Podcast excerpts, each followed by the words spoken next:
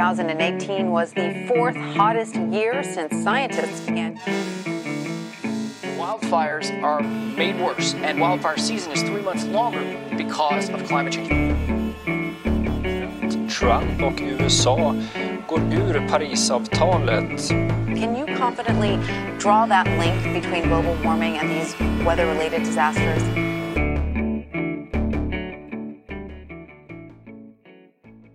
Eh, supervälkomna till eh, ett nytt avsnitt av podcasten Planet och politik. Eh, med eh, mig, Lorentz Tovatt då. Jag är klimat och energipolitisk talesperson för Miljöpartiet i riksdagen. Jättekul att ni är med. Jag tänker att jag inte ska dra ut på det här introt utan jag ska försöka mig på att presentera dagens gäst. Och det är lättare sagt än gjort. Därför att han är eh, kanske, ja han, han har en sån otroligt lång karriär och han är eh, en av Sveriges viktigaste samhällsdebattörer över 40-50 år faktiskt. Eh, det, han har gått från, ja, allt från att vara riksdagsledamot för Moderaterna till att sitta i Europaparlamentet för Kristdemokraterna. Till att vara generaldirektör för både Röda Korset och Naturskyddsföreningen. Eh, ordförande i Romklubben, haft viktiga, eh, viktiga roller på en väldigt hög nivå i FN. Eh, och numera så jobbar han för Climate Kick som är ett eh, eh forsknings och innovationscommunity på EU-nivå. Eh, det är alltså Anders Wikman vi pratar om. Eh, så vi kör igång samtalet med honom.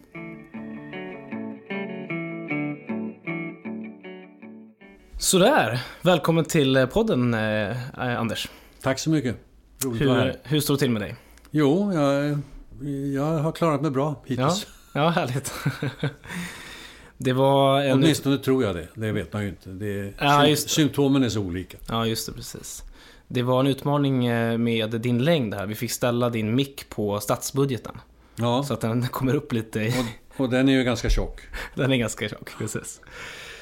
Du, jag har ju försökt presentera dig här innan i introt eh, och det är ju lättare eh, sagt än gjort höll jag på att säga. Eh, det, det, är svårt att även säga hur mycket du har hunnit med under din karriär.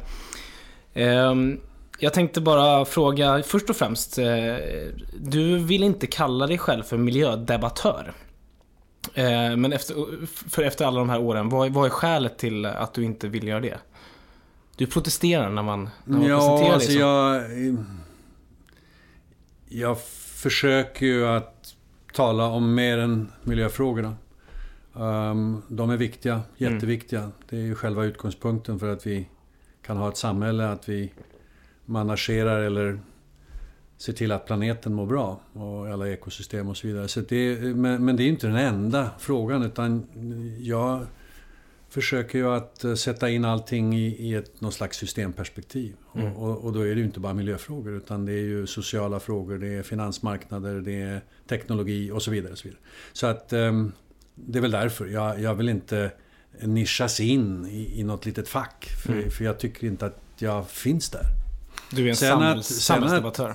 Vad sa du? En samhällsdebattör kan man säga. Ja, det är nog bättre. Mm. Det är nog bättre. Um, och um, i och med att jag nu är partilös så, så är det ju ännu viktigare tycker jag att, att, att försöka eh, bidra med så breda perspektiv som möjligt. Mm. Jag, jag, jag, företräder ingen, jag, företräder möjligen mig själv. um, ja, men, en sak som jag eh, har tänkt på med din långa karriär det är att du har, eh, du har liksom utvecklats Eh, i en speciell riktning. Och det här berättade du själv i ditt sommarprat som jag för övrigt rekommenderar alla att lyssna på. Eh, där du sa, jag kommer inte ihåg de exakta, exakta orden, men du sa någonting i stil med att det klassiska är att man brukar prata om att man är röd i sin ungdom och blå när man är äldre. Men mm. att du har varit blå i din ungdom och blivit radikal på äldre dagar. Eller något liknande. Mm. Vad, vad kommer det sig att du har liksom utvecklats? Du, du började ditt engagemang i Fria Moderata Studentförbundet. Mm. Och sen så har det varit en lång resa till, till där du är idag. Och vad, vad, hur, hur kommer det sig att du har utvecklats i, i, i, den banan, om man säger så? Jag tror det enda, enda svaret är väl att jag har påverkats av det jag har upplevt och sett. Och eh, livet är ju en lärresa kan man säga. Och eh, det har varit väldigt naturligt att eh, ompröva mycket av det jag tog för självklart när jag var i 20-25 års åldern. Eh, man ska också komma ihåg att Sverige var ett väldigt annorlunda land. Eh, du var ju inte med på den tiden men, men 1968, 70, det var ju inte bara studentkravallernas år utan det var ju också i Sverige ett samhälle som var otroligt präglat av ett enda parti, Socialdemokraterna. Mm. Eh, de hade ju, fick ju över 50% av väljarkåren 1968. Och eh, det var ju då Palme sen blev statsminister. Ehm, och, och socialdemokratin, ja, det fanns egentligen bara en åsikt i landet. Och det, det, var, det var väldigt likriktat samhället, kan man säga. Och som ung student så kände jag det där var, det där var, det var svårt, det var lite kvävande. Jag hade Gunnar Heckscher och Hadar Cars som, stat, som mina lärare i statskunskap. Och, och jag kommer ihåg att vi hade seminarier som alla handlade om vad, vad är demokrati? Och det är maktskifte. Och vi hade ju inte haft maktskifte då på nästan 40 år egentligen, om man bortser från samlingsregering under, under kriget. Så att eh, det var ganska naturligt att engagera sig för maktskifte och för mera mångfald. Eh, mm. Och jag tycker fortfarande det är förbaskat viktigt. Så att eh, jag ångrar inte de, de åren på något sätt. Eh, och eh, jag var väl hela tiden, om man kan kalla det, om man får schattera, eh, jag var väl ljusblå då eh, under de år jag satt i riksdagen. Och jag fick en massa viktiga uppdrag och, och jag lärde mig mycket men eh, så småningom så kom jag någon slags clash med framförallt Gösta Boman och gjorde ingen stor sak av det utan jag, jag bestämde mig bara för att här ska jag inte vara kvar, jag ska söka mig, söka mig bort. Och så fick jag, hade jag en väldig tur att jag fick jobbet som chef för Svenska Röda Korset. Mm. Och det i sin tur ledde ju till en väldig massa exponering för problem som jag aldrig visste, hade vetat, hade inte vetat om. Alltså det är en sak att, läsa om fattigdom. En, en helt annan sak är att, att arbeta med det dygnet runt. Och om kriser och katastrofer. Så att det var väldigt omdanande. Och då såg jag också under de åren hur viktigt det är att eh, naturen mår bra. Därför att nästan alla så kallade naturkatastrofer, framförallt översvämningar, torka, eh, som är de två extremerna, de är ju väldigt kopplade till hur naturmiljön mm. har utnyttjats. Och att de slår hårdast mot fattiga. Ja, det gör de också. Men om du tar, jag brukar ta den ö som Haiti och Dominikanska republiken ligger på. Eh, Haiti har skövlat all sin skog. Dominikanska republiken har kvar sin skog. Och varje gång det är skyfallsregn och stormar så drabbas ju Haiti enormt hårt. Mm. Eh, både direkt och indirekt. Indirekt av att, att toppjorden bara försvinner ut i havet. Och man ser det när man flyger över. Att det är alldeles grumligt utanför Haiti medan i Dominikanska republiken, där klarar man sig. Och det är ett väldigt tydligt exempel. Så att det här med skogsskövling, jordförstöring, eh, dålig management, vad säger vi? Dåligt utnyttjande av vatten och så vidare. Mm. Det, det kom för mig att bli otroligt viktiga frågor. Och sen var ju då steget in i ska vi säga, miljörörelsen och i mitt fall då Naturskyddsföreningen därefter. Det var, det var ju väldigt enkelt. Mm. Mm. Uh, för jag såg den här kopplingen mellan människors livs, levnadsförhållanden och hur naturen såg ut. Om du får eh, välja ut en del av din karriär eller din, ja, de här olika faserna som extra viktig för eh, dina, ja, nog, dina insekter? Det, det, var nog, Röda korsåren var nog otroligt viktiga. Det vände upp och ner på väldigt mycket. Mm.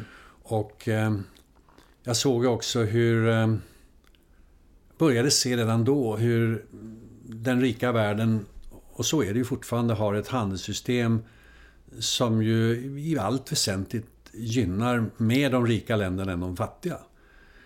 Um, och det, det, störde mig redan då väldigt mycket. Och, och, jag kommer ihåg när jag var i Seattle på det här stora världshandelsmötet som blev en stor katastrof. För det, det, det blev ju inget egentligt möte. 1999 var det väl. Då var ju det en av frågorna. Nämligen hur ska, hur ska vi få ett mer rättvist handelssystem? Mm. Ehm, så att, ehm, ja, Röda Korsåren var viktiga. Absolut. Ehm. Men, men under de här ja, det är, det är spännande. Jag tänker, eh, trots de där insikterna då så gick du ju tillbaka till politiken också. Det mm. var du blev parlamentariker igen fast i Europaparlamentet. Det var ett väldigt svårt beslut. Det var det? Ja, det Och var du, väldigt svårt. var det... Därför att jag var ju egentligen inte, jag var ju egentligen inte borgerlig politiker. Jag, var, jag, var, jag stod lite vid sidan av partipolitiken. Och så kommer då Alf Svensson och, och ber mig överväga att ställa upp som första namn på deras lista. Jag kände Alf sedan många år och ha, ha, hade stor, och har stor respekt för honom som, som människa. Um, men det var, det var väldigt svårt. Mm. Um, och det var flera i min familj som sa gör det inte, gör det inte. Men det Eh. finns ju också, man kan ju säga det att eh, Kristdemokraterna på den tiden var ju ett annat parti än vad det är idag. Det får man Ja, väl det, konstatera. det, det, det tror jag, det, det får man absolut säga. Och eh, det var ganska högt i tak och miljöfrågorna var... Förvaltarskapet var ju starkt kring... Ja, och, och det fanns ju ett flertal i riksdagen som var väldigt engagerade. Dan Eriksson, Sven-Gunnar Persson, eh, som jag samarbetade mycket med. Vi hade en borg, ett borgarråd i Stockholm, Alf Samuelsson, som var oerhört progressiv i de här frågorna. Så det, det var inte så svårt mot den bakgrunden att, att, att ställa upp. Sen kom jag då till, eh, till Bryssel och EPP-gruppen och det var svårare. Därför den, den innehåller ju väldigt mycket eh, parti, partier från andra delar av Europa som ju stod mycket långt ifrån mig. Så det, men det var en stor kyrka kan man säga. Så att eh, den, Europapolitiken tolererar avvikande uppfattningar, eh, mångfald i mycket större utsträckning. Och det är ju därför folk trivs där. För det är ett fantastiskt parlament. Ja, det, det är ju ett mycket mer eh, dynamiskt samtalsklimat. Alltså att för att få igenom saker så måste du i princip ha ett, eh, en majoritet som du liksom formar från fall till fall. Och det är en, du, du har inte samma partipiska mentalitet som det finns i de nationella parlamenten. Så det, Det finns ju ingen naturlig opposition. Nej, precis. Utan allting som kommissionen, som är en slags regering, lägger på bordet. Det, ska ju, det måste ju byggas upp en majoritet underifrån. Det blir en slags bottom-up system. Och, eh, och där lärde jag mig att om man kan sina sakfrågor väl och samarbetar med eh, en 8-10 individer från andra länder och andra partigrupper som har ungefär samma inställning. Ja, då kan man, då kan man flytta på berg. Eh, Och jag var väldigt aktiv i HIV-frågan först. Eh, Och det var en stor fråga i början på, på 2000-talet. Alltså hur skulle vi hjälpa fattiga länder med, med HIV-bekämpningen. Men, men sen eh, kom jag att koncentrera mig mycket på energieffektivisering och förnybar energi. Och ehm, både i ett Europaperspektiv och i ett u-landsperspektiv faktiskt. Och där hade jag då några goda kamrater från andra länder och andra partigrupper och vi, vi åstadkom väldigt mycket faktiskt. Tillsammans. Eh, Och eh, sakkunskap värderas väldigt stort i det här parlamentet. För det är ju väldigt mycket sakfrågor man behandlar. Det är klart att de har en politisk dignitet på något sätt men, men man utgår alltid från sakfrågan. Man ska ha igenom någon, någon, något sakbeslut. Mm. Ja, det här fick bli en bra eh, inledning här. Det var svårt att inte ställa frågor tänkte jag om, om din karriär. Eh, Vi ska prata idag om, jag tänker att när jag, när jag tänker på dig som debattör så tänker jag att du är eh, som bäst när du får prata om ekonomisk kritik. Eh, liksom, eller din kritik mot, du får lägga ut din kritik mot det ekonomiska systemet eh, Och prata om vad som är ja, hämmande med dagens system och eh, vad, vad alternativen kan, kan vara. Så jag tänkte vi ska prata, det ska vara dagens tema. Eh, och om vi börjar då liksom på, en- på en ganska övergripande nivå. Eh, du brukar ju lyfta kritik mot eh, dagens tillväxt eh, eh, samhälle. Eller den, den, den väldigt dogmatiska synen på att det är tillväxt som är det viktigaste i ett samhälle.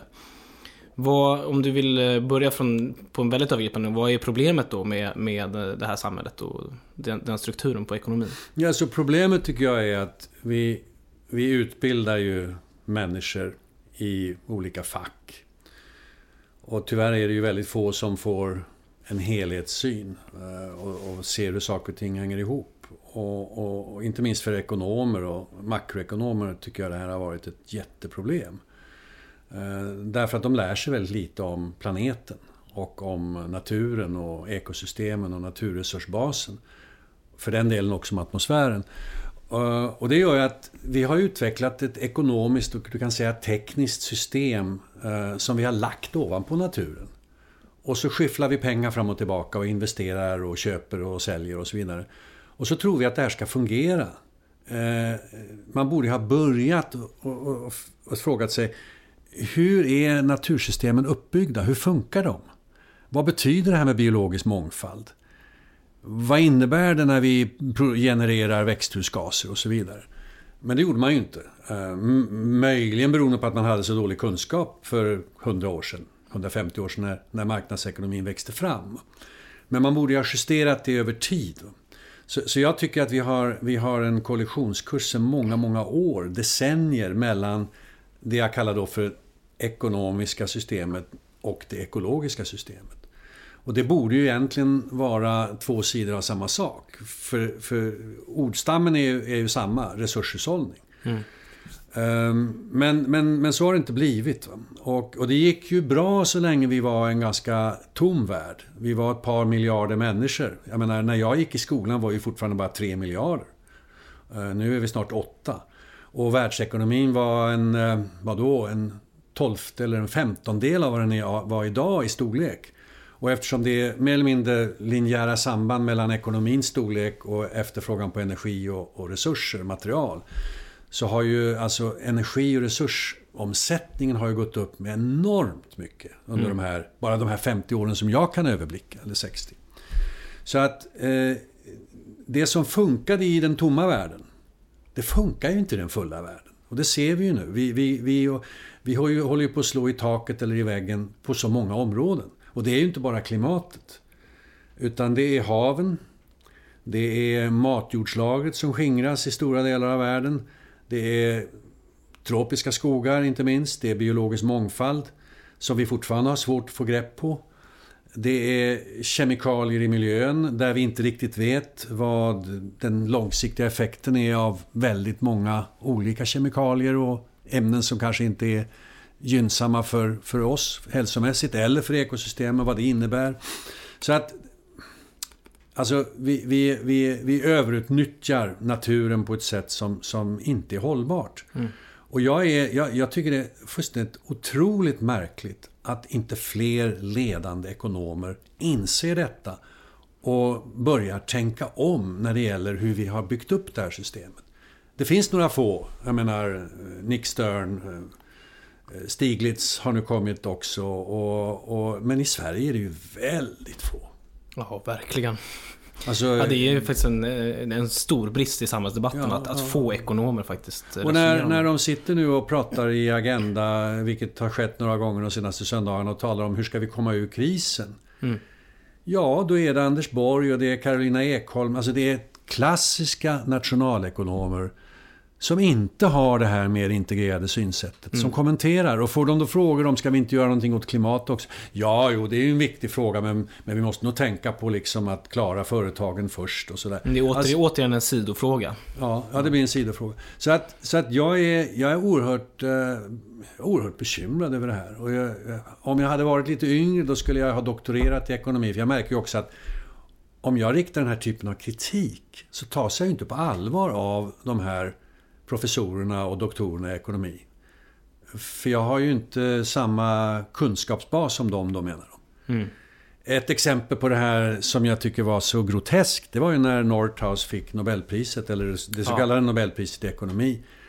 Alltså nu, nu kommer det fram mer och mer böcker och, och, och, artiklar som sågade det där med fotknölarna. Då, då var det inte så många som, som eh, upphöjde sin Bara för bakgrundens skull ska jag säga att Northouse då, han, hans eh, argumentation bygger på att eh, det, det kostnadseffektivaste sättet att hantera klimatet är att låta det bli 3,5 grad. Jag tror att han slutar ja, på något sånt där. Varmare igen. Ja, för då, ja, det då när man räknar på kostnader för klimatomställningen då så, så tar det ut eh, fördelarna. fördelarna. Mm.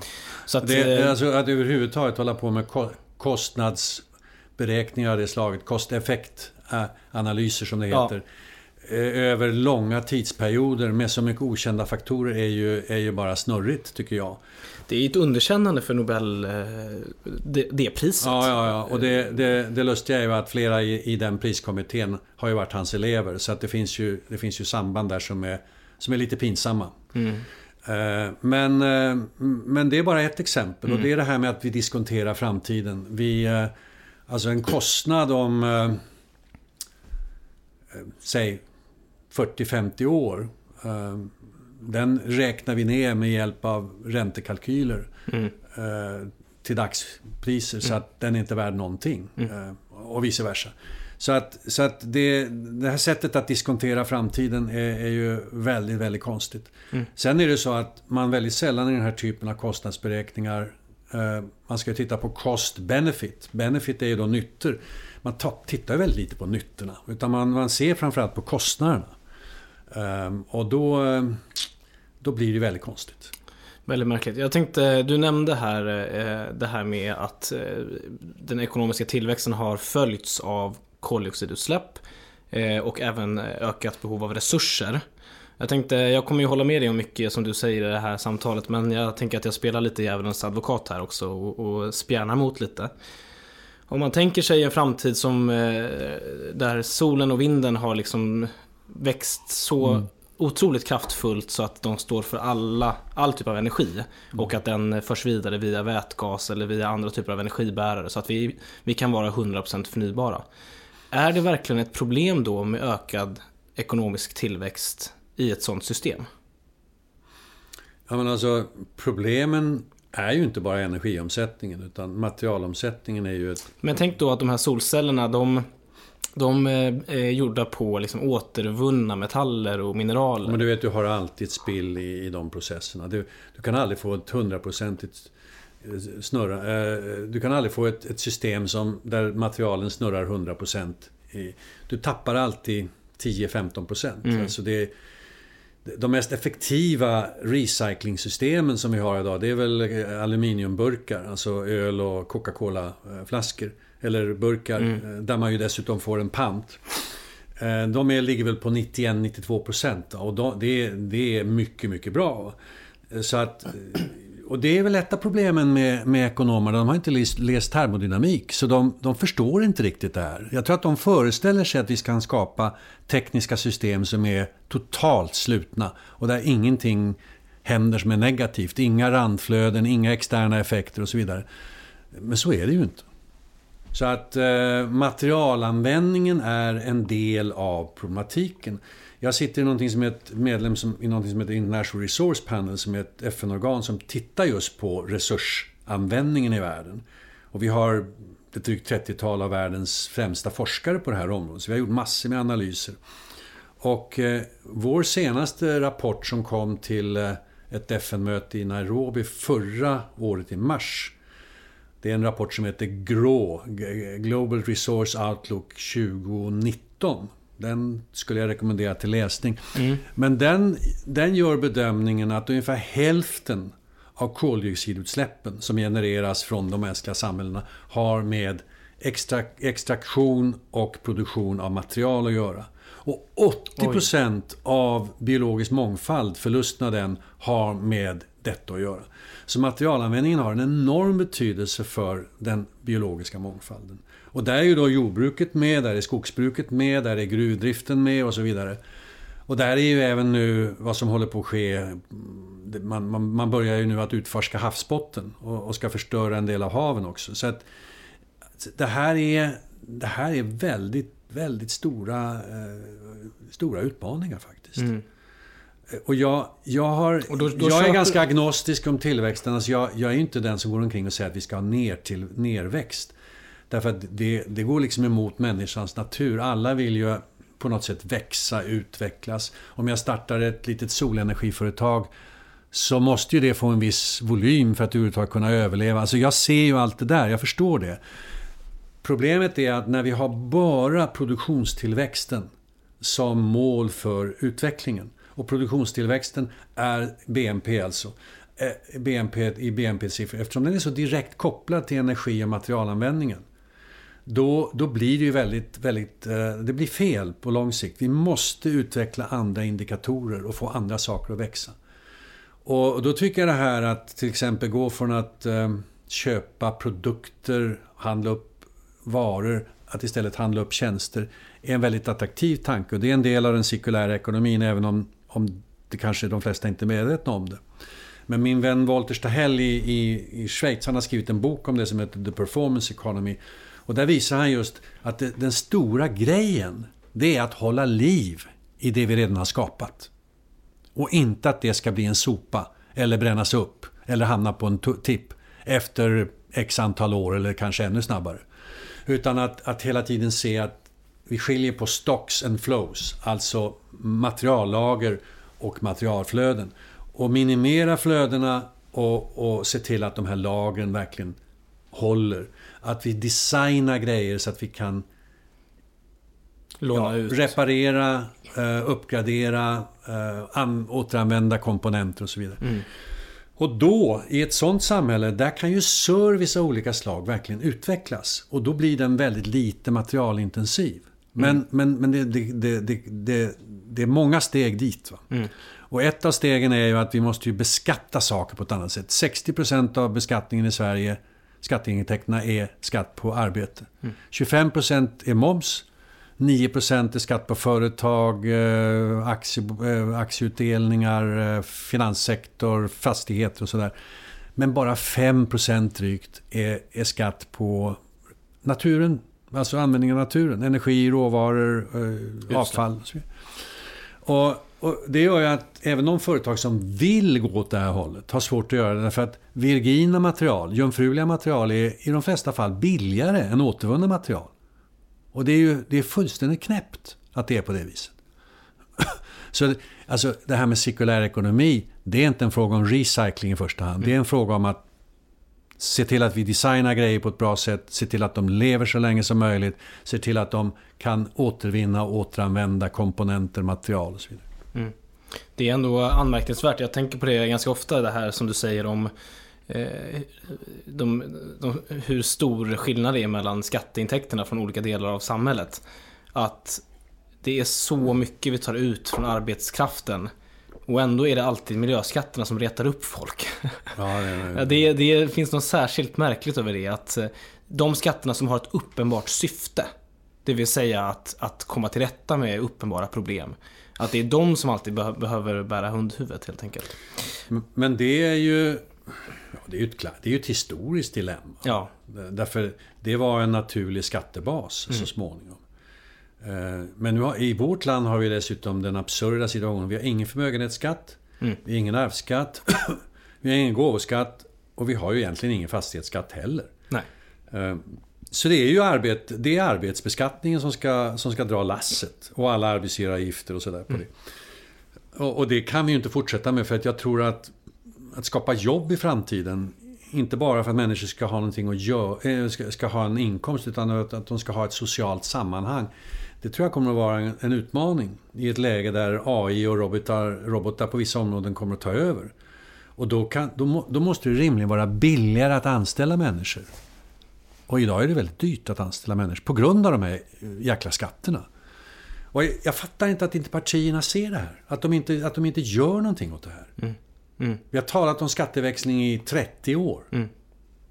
Ja, det, är ju, det, det, var ju en del skatter. Nu höjde vi skatterna ganska mycket förra mandatperioden på miljö. Eh, men sen så hade vi ju skatteväxling under eh, Göran Perssons tid. Mm. Men denna mandatperiod har vi faktiskt den största någonsin i Sverige. Och det är ju ett den är säkert inte tillräcklig men, men det är Men vi har ett... inte sett den ännu.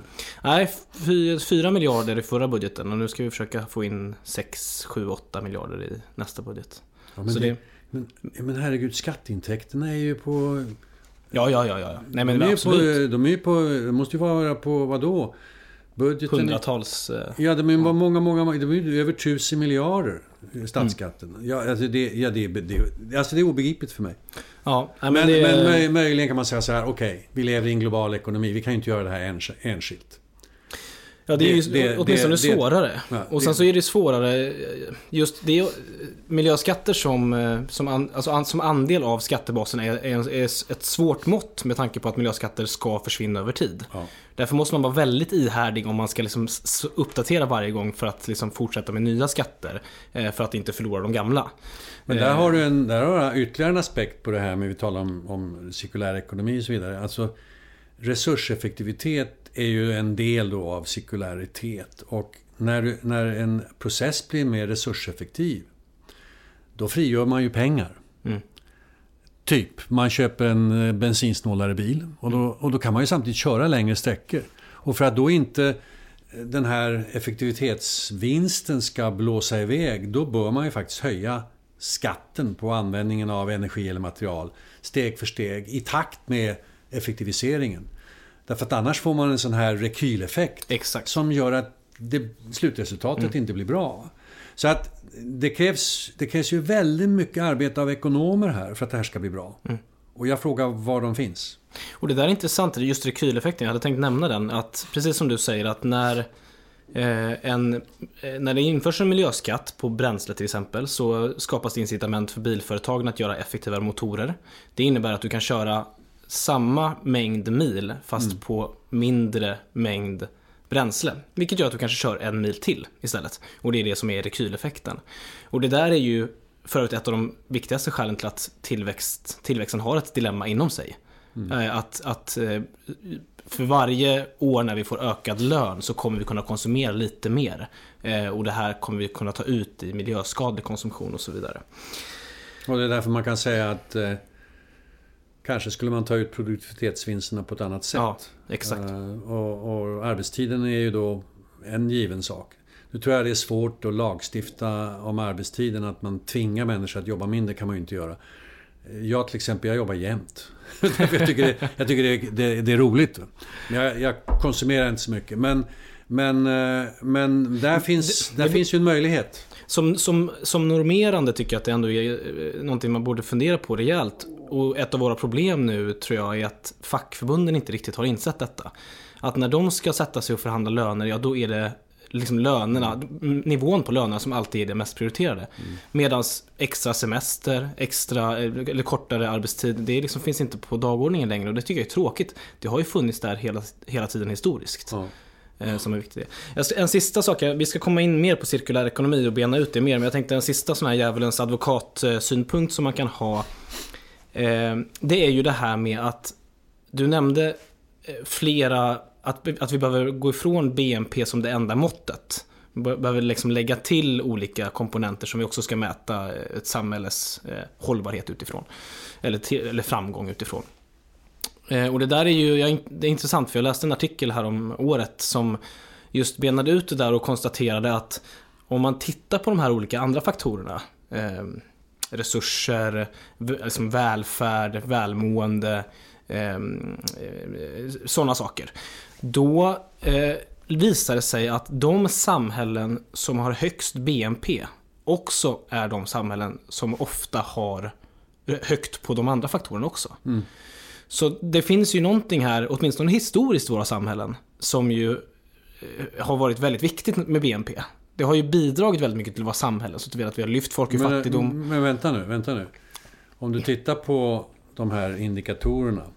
Så när det gäller de sociala indikatorerna så ligger ju med länder med en hög BNP per capita, de ligger ju bra. Och ja. det är ju de skandinaviska länderna ett utmärkt exempel på. Men när det gäller in, in, påverkan på natursystemen och på klimatet så ligger vi ju inte bra. Då ligger vi långt, långt, långt över en väldig massa låg och mellaninkomstländer. Därför vårt fotavtryck är mycket större. Mm. Och det kan, vi inte, det kan vi inte snacka bort. Alltså. Så att ja, den sociala agendan, den har vi lyckats bra med. Re relativt sett. Men den här andra som har med ekologiskt fotavtryck och klimatavtryck och så vidare. Där har vi inte lyckats. Jag menar, jag är... Jag kan väl säga att jag tycker det är väldigt bra att de territoriella klimatutsläppen i Sverige har gått ner med 20-25% sedan 1990. Det borde vara mycket mer, men de, mm. det är i alla fall ett steg i rätt riktning.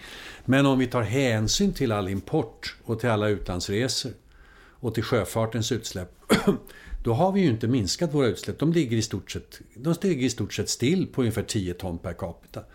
Så att det blir, det blir väldigt det blir ihåligt mm. när vi slår oss för bröstet och säger men vi har ju visat att man kan bryta sambandet mellan tillväxt och klimatpåverkan. Så enkelt är det inte. Utan utsläppen finns någonstans. Mm. De kanske inte bokförs hos oss. Det är för övrigt också någonting som jag kan bli irriterad på med, med ekonomer och deras fokus på att minska utsläppen i andra länder. Mm. Att det är alltid Kina och Indien som är det stora problemet i deras värld. Medan om man tittar per capita och på det totala på det totala avtrycket så är ju vi svenskar, ja, vi tror att vi ligger på 16 plats när det gäller ekologiskt fotavtryck. Och det duger ju inte naturligtvis. Jag tänkte vi ska gå vidare lite. Vi har ju varit inne ganska mycket redan på, på cirkulär ekonomi. Men, men det här är ju ändå någonting som eh, de, många lyfter ju det, det som kanske det, det system som lite ska komma istället för den, den här linjära tillväxtekonomin som vi har nu. Eh, sen kanske det inte kommer kunna vara hela vi, kan, vi kommer kanske inte kunna byta rakt av, men det kommer vara en väldigt viktig del av framtidens ekonomi i så fall. Till att börja med, vad, om du, du får gärna liksom laborera fritt här och, och, berätta vad cirkulär ekonomi är för någonting och gärna också vad som är skillnaden, du som har varit med så länge nu, mot ehm, eh, kretsloppsekonomi som man pratade om för länge sedan. Jag kommer ihåg när jag var lite yngre så var jag och föreläste för min kära miljöpartistavdelning ute i Ekerö. Och så skulle jag föreläsa om cirkulär ekonomi. Och efter föreläsningen så var det en person som sa Ja men det här är ju samma sak som vi snackade om på 80-talet. men, men finns det en skillnad där? Finns det en utveckling i cirkulär ekonomi? Eh, och jag vet att du också nyligen skrivit en text om detta för OECD. Eh, så du får gärna liksom laborera kring det här. Nå, ja, kretsloppsekonomin den kom nog faktiskt på 90-talet. Ja, det kanske det, det var ja. faktiskt, Jag tror det var Lennart Daléus som eh, centerledare som drev fram den där. Och det blev en kretsloppsdelegation och en hel del arbete kring... Och då, då tittade man på teknosfären och på biosfären och sa man att biosfären i ett idealtillstånd, där snurrar ju saker och ting runt. Eh, avfall för en art är föda för en annan och så vidare. Eller restprodukter på ett ställe är föda för någon annan. Och det har ju störts då, inte minst på jordbrukssidan, av vår, våra kemikalier och, och eh, överskott av näringsämnen och så vidare. Så, så, vi har ju stört de där systemen. Men, men man, man, man ska ju ha det som en slags metafor. Att så som bios, biosamhället fungerar skulle även teknosamhället kunna fungera. Så att det finns ju mycket som, eh, som diskuterades då som nu kommer igen. Jag satt, när jag satt i Europaparlamentet var jag rapportör på en, eh, någonting som heter Integrated Product Policy. Det var 2004. Och, och, det var ungefär samma sak som The Circular Economy Package nu. Mm. Uh, och när jag tog fram den där rapporten som jag för övrigt skrev Fick hjälp av Karl-Henrik Robert på det naturliga steget att skriva. Det var väldigt mycket av de tankar som nu finns. Va? Men, men, men det la man åt sidan. Så nu kommer det en ny, ny tappning. Och eh, det är väl jättebra att man, att man gör det här. Därför att vi, vi kan, som jag sa i början, vi kan inte fortsätta med den här linjära produktionsmodellen. Det, det räcker inte till, så att säga. Antingen så kommer vi att slå i, slå i taket när det gäller vissa resurser. Eh, råvaror som, som är knappa eller som kommer att vara svåra att komma åt. Eh, eller också, och det är väl kanske det stora problemet på kort och medellång sikt i alla fall, så får vi så mycket föroreningar och avfall så vi, vi klarar det inte. Um, och därför är ju det här då väldigt, väldigt rätt tänkt. Men de första 7-8 åren får jag ut intryck av att det har mest handlat om att man tror att man med hjälp av återvinningsteknik ska fixa det här. Men, men mm. så länge produkterna är designade som de är så vet vi att det är väldigt lite av det som vi samlar in, bortsett från, från järnskrot, som verkligen blir någonting. Även aluminium som jag trodde var någonting som snurrade runt väldigt, väldigt fint Ja, aluminiumburkar gör det, men mycket av den andra aluminium som vi använder i samhället, det sitter i ganska komplexa sådana här kompositmaterial. Det är enormt svårt att, att eh, ta, ta, ta, lösgöra och använda igen. Mm. Um, och plast kan vi inte tala om. Det är mm. 8-10% som på något sätt återvinns och återanvänds. Så att det, och där det, finns det vissa plaster som inte går att äh, återanvända. Svart plast ja, till exempel. Ja, så är det också. Ja. Och, och, där skulle man ju... Första steg på vägen skulle vara någon slags standardisering. Varför mm. måste vi ha flera hundra olika plastsorter? Varför kan inte bilarna till exempel ha samma typ av hårdplast i sina, sina karosser? Mm. Eh, utan de var och en har sin. Och då blir det mycket svårare för återvinningen att, att göra någonting av det. Så att, så att det, det, är både designfrågor och sen är det det jag pekade på förut, det här med kostnadsfrågor. Att det är för billigt att utnyttja naturen. Uh, och, jag, och när jag var ordförande i återvinningsindustrierna så vet jag att många av de företagen sa varför, varför är gruvnäringen så gynnad i vårt land medan vi som jobbar också med råvaror, vi är missgynnade. Så det, det, det ligger en poäng i det. Absolut. Alltså vi har väl, jag tror att vi har en av världens lägsta mineralavgifter i Sverige till exempel. Ja. Det är ju inte rimligt. Sen, sen, kompenserar vi det med, med höga miljökrav i, i miljöbalken. Men, men det någonting är ju fel när det är helt gratis att bryta jungfruliga material. Ja, absolut. Så, så, och, och, det där är ju inte så lätt att, att fixa i ett enskilt land. Det, men, men jag menar ju att inom EUs ram så kan vi göra väldigt mycket. Och nu är det ju roligt att se att den nya kommissionen faktiskt tar det här på allvar. Och deras eh, Green Deal-meddelande som kom i slutet på december förra året. Det innehåller tycker jag, i stort sett allt som vi har pratat om i 20 år och som inte har hänt. Men nu är det på väg. Nu ska det hända. Mm.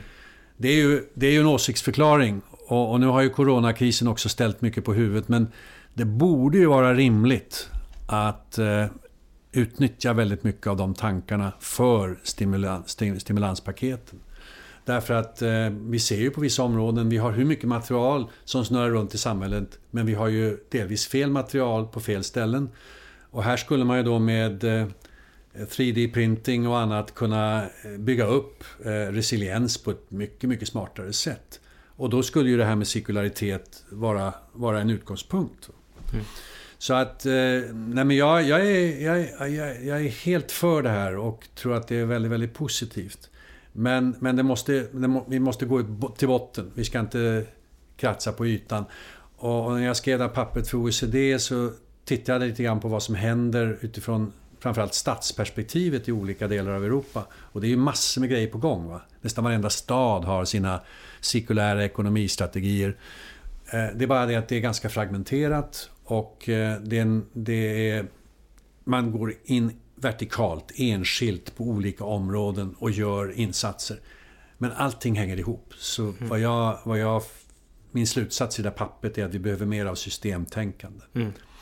Och, och, till exempel om du ska göra om, eh, eller om du ska minska, eller om du ska göra om mobiliteten i en stad. Då är det ju inte bara en fråga om att gå från förbränningsmotorer till elmotorer. Utan det är så många andra saker. Hur staden planeras, hur kollektivtrafiken byggs ut, hur lätt det är att gå, hur lätt det är att cykla eh, och så vidare. Och så vidare. Och eh, allt det där måste ju med. Så det är, det, det är systemfrågor alltihopa. Och där är vi som samhällen ganska dåliga på det. Därför att vi har myndigheter som har hand om ett litet avsnitt. Mm. Men nu, du pratar ju om EUs roll här. Det, det finns ju det här ekodesigndirektivet. Vad är, jag ska villigt erkänna att jag inte har stenkoll på detta. Men, Nej, men det, det, det, inrättades för ungefär 15 år sedan. Och det var när vi ju insåg då att energianvändningen var en väldigt viktig fråga. Och det var ju då inte bara frågan om att bygga ut förnybar energi. Utan det var också frågan om att använda energin effektivare. Och då var det ju väldigt mycket apparater. Framförallt elapparater av olika slag lampor och så vidare där man skulle kunna göra någonting. Och då blev det det här direktivet som hade fokus på energianvändningen. Och man satte upp en jäkla massa krav för elmotorer, för diskmaskiner, eh, dammsugare, eh, även datorer tror jag, men inte i så stor utsträckning. Eh, och, och sen blev det ju glödlamporna. Mm. Och vi har, ju sam, vi har ju sparat enormt mycket el under de här åren på grund av detta.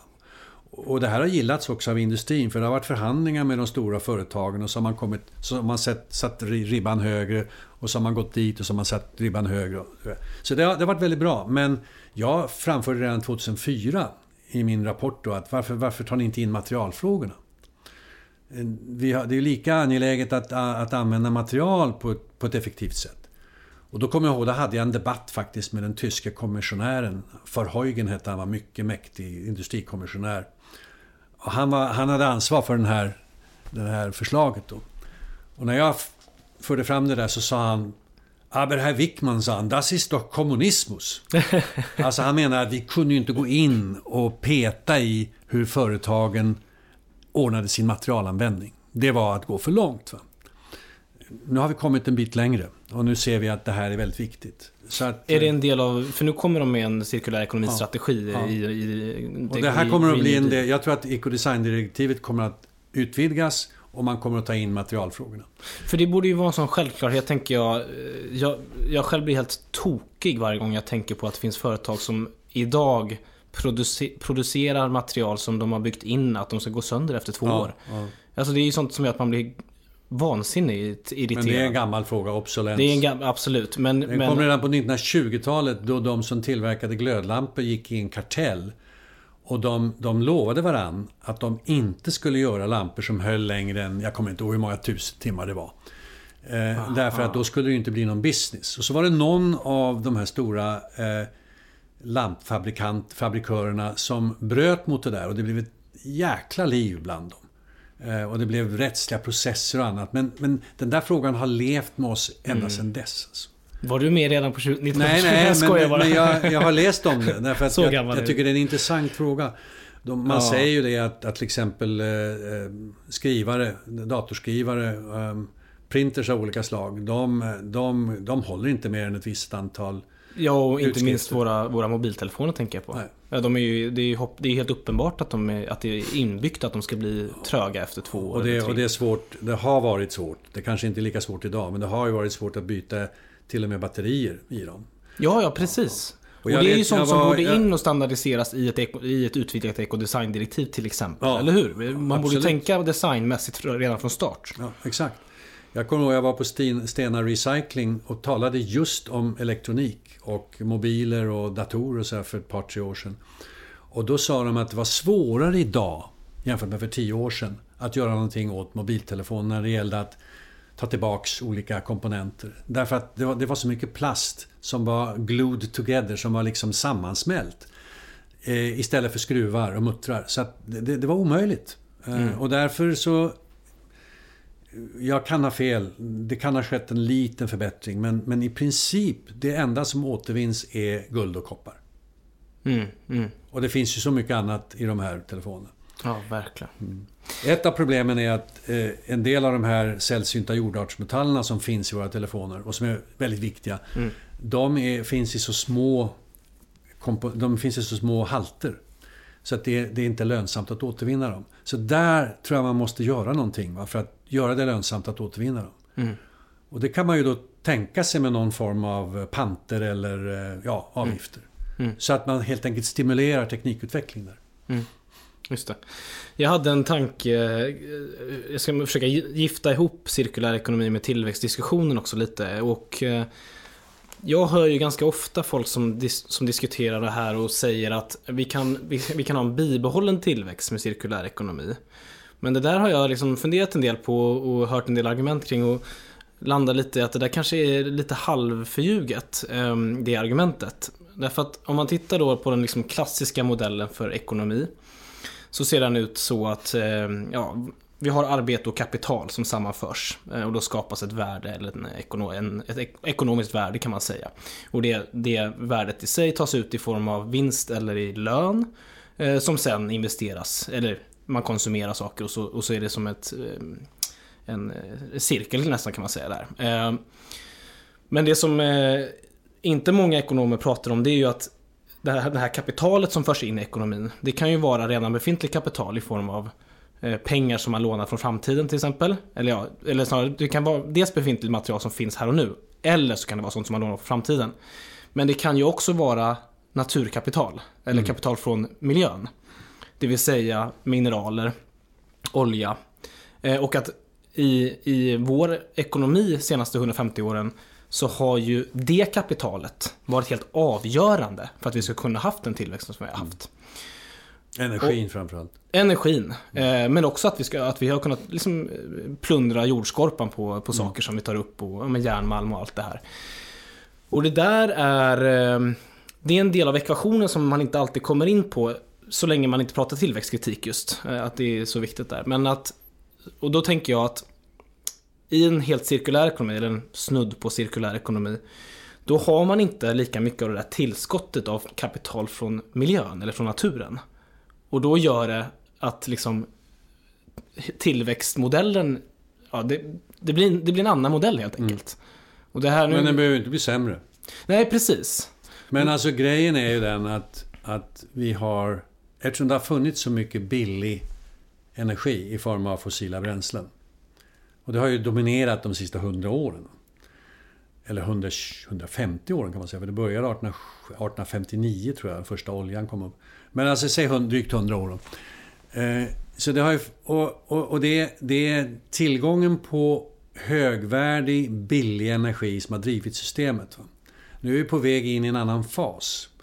Och ehm, eh, det finns ju ganska många analytiker som säger att ekonomerna har aldrig förstått energins betydelse i den här ekvationen. Det finns en, en grupp biophysical economists runt en kille som heter Charles Hall i Amerika som jobbar mycket med det här. Det finns en, tjej, en kvinna som heter Gail Twerberg som skriver eh, hon har en, eh, en hemsida som heter Our Finite World. Eh, hon skriver väldigt insiktsfullt om energins betydelse för det här. Och det är klart att vi kan effektivisera energianvändning men, men bara till en viss grad. Och, och sen är vi tillbaka så att säga vid noll. Så att jag, jag tror att det här kommer att vara en ny forskningsgren och det här kommer att vara en ny gren för ekonomerna att bättre förstå energins betydelse i systemet. Och eh, eh, jag tror helt enkelt att vi måste lägga om. Därför att vi kan inte ha den här typen av tillväxt i ekonomi där, där materialanvändningen bara ökar. Det, det går inte. Eh, exakt hur det kommer att se ut på andra sidan, det tror jag ingen kan säga. Eh, och jag tror att istället för att bara eh, ägna sig åt tillväxtkritik så tycker jag man ska göra ungefär som Kate Ravert i Donut Economics. Hon säger, jag är ganska agnostisk om tillväxten. Jag siktar in mig på välfärd och välbefinnande och på de här andra parametrarna, de här andra indikatorerna. Och så försöker jag göra samhället så bra som möjligt där. Och så får vi se vad det blir. Mm. Um, det tycker jag är den rimliga ja. utgångspunkten. Ja. Och, och, för ibland kan jag känna, du var lite inne på det i början, men att så fort man börjar prata nerväxt eller liknande, ja, men då bjuder man in de här tillväxtfanatikerna, de ja, andra ja, tillväxtfanatikerna i debatten och så blir det liksom men, en debatt om det. det. Men du måste ju också samtidigt inse att så länge vi har ett finanssystem mm. som gör pengar som de gör. De mm. kreerar ju väldigt mycket av sina egna pengar. Mm. Och så länge man har en sån liten kvot av det kapital som man lånar ut som är ens eget, utan det är andras pengar. Mm. Och så går man i, i, i och så, och så går det inte bra och då går man till samhället och ber att få bli räddad. Och, och då är bankerna så viktiga så då måste man rädda bankerna. Det var, det var Göran Persson sa, man har, man har eh, privatiserat vinsterna, man har socialiserat förlusterna. Mm. Alltså finanssystemet är ett sjukt system i många, många, eh, många samman, eller i många avseenden. Och det måste förändras. Mm. Och det är ju inte minst aktuellt just nu med, med pågående corona, coronakris och alla de bailouts som nu sker. Ja. Där vi verkar, eller många verkar inte ha dragit lärdomen från 28-29. Att de stora bailouts som gjordes då gick bara till eh, icke-gröna sektorer. Eh, Men det var ju bankerna som räddades. Det var bankerna, det, precis. Och, och jag menar, när, om man väl ska göra bailouts för att, eller om man, ska, om man väl ska fokusera på liksom att kickstarta en ekonomi igen, då måste man ju göra det på ett sätt som eh, också kan betala tillbaka i framtiden. Mm. Ja, men investera i järnväg eller vad det nu kan mm. vara, sånt som verkligen betalar av sig under lång tid framöver. Men det är precis som du säger, att väldigt mycket av det där är bara luft som eh, inte bidrar eh, tillbaka. Ja, alltså jag... Ja, alltså finansmarknaden eh, den lever sitt eget liv. Jag tycker hela den här utvecklingen med robothandel och att man, man tjänar pengar på, på eh, bråkdelar av en sekund skillnad i kurser. Det, det är ju något helt sjukt. Ja. Alltså vad, vad, vad, är det för... Det är ju inget värdeskapande. Nej. Det är, Nej. Det är, det är spekulation på, på, på, något sätt som, som, som i vart fall gynnar inte samhället. Mm. Så vi måste få en bättre balans mellan samhällsnytta och privatnytta. Mm. Och jag tycker också att vi ser i den här krisen att det vi kallar för på engelska essential services, alltså det som är verkligt viktiga samhällsfunktioner. Och det, de är ju ofta de som, som den offentliga sektorn står för. Mm. De är underfinansierade och de är också inte tillräckligt bemannade. Och det är säkert inte tillräckligt bra arbetsvillkor. Jag menar, ta hela äldrevården. Vi ser ju nu mycket avslöjande exempel på att det, det har inte fungerat bra. Men det ska, vi, vi, behövde den här coronakrisen för att se det. Det här med hur, hur vi får eh, jordbruksprodukter på, på borden. Ja, det har ju med väldigt mycket tillfällig arbetskraft som kommer utomlands ifrån under sommarhalvåret. Det är också då någonting som vi inte kanske riktigt kände till. Eller inte anade eller förstod. Eh, många av dem lever nog under ganska dåliga förhållanden. Eh, kort sagt, vi behöver ju städa upp i det här. Mm, mm. Som en avrundning här så ska jag föra tillbaka diskussionen till bara cirkulär ekonomi och, och runda av med att fråga vad du tänker om du ska ge liksom lite tips till politiken här. Eh, vi har ju pratat på EU-nivå. Finns ju saker man kan göra på nationell nivå. Pant till exempel. Vad, vad har du för, Du är ju... Är du fortfarande ordförande i återvinningsindustrin? Nej. Nej, det är du inte. Men jag är, Men jag är ordförande i... Vi, vi skapar någonting som heter Circular Sweden. Eh, när vi hade gjort en materialvärdestudie för några år sedan. Där vi just visade hur lite av det som vi recyclade som verkligen blev någonting av. Eh, och där, där jobbar vi mycket med de här frågorna. Men om jag skulle ge fyra, fem förslag till det politiska systemet så är det ju för det första skatteväxling. Mm. Det kan inte vara så att jungfruliga eller virgina råvaror hela tiden är billigare än andrahands eh. Eller återvunna råvaror. Det andra är att jag skulle ta bort skatten, momsättningsskatten på återvunnet material. Det skulle ge en skjuts till den marknaden. Mm. Det tror jag att EU-kommissionen är inne på, eh, men där behöver man push från, från länderna. Det tredje är att jag skulle, mitt, min, mitt, mitt önskemål skulle gå ut på att vi hade ett direktiv som sa att produkter som sätts på den europeiska marknaden ska i normalfallet vara designade så att de är relativt enkla att återvinna och återanvända. Det, det, kan inte gälla överallt, för det finns ju produkter som är sammansatta och komplexa och sådär. Men, men det skulle vara en huvudregel. Det fjärde är väl att jag skulle titta på offentlig upphandling och se till att den offentliga sektorn verkligen gick före. Och jag skulle inte minst ge ett, slag, göra, ge ett slag för det här, slå ett slag för det här med att gå från att köpa produkter till att handla upp tjänster. Mm. För då får du en annan, en annan logik, en annan dynamik. Då blir det intressant för producenten att tänka på allt det här. Um, ja, det var väl de bästa förslagen, mm. um, tror jag. Mm. Det får vara bra slutord här Henka. Eh, tusen tack för att du ville vara med på den här podden. Stort tack.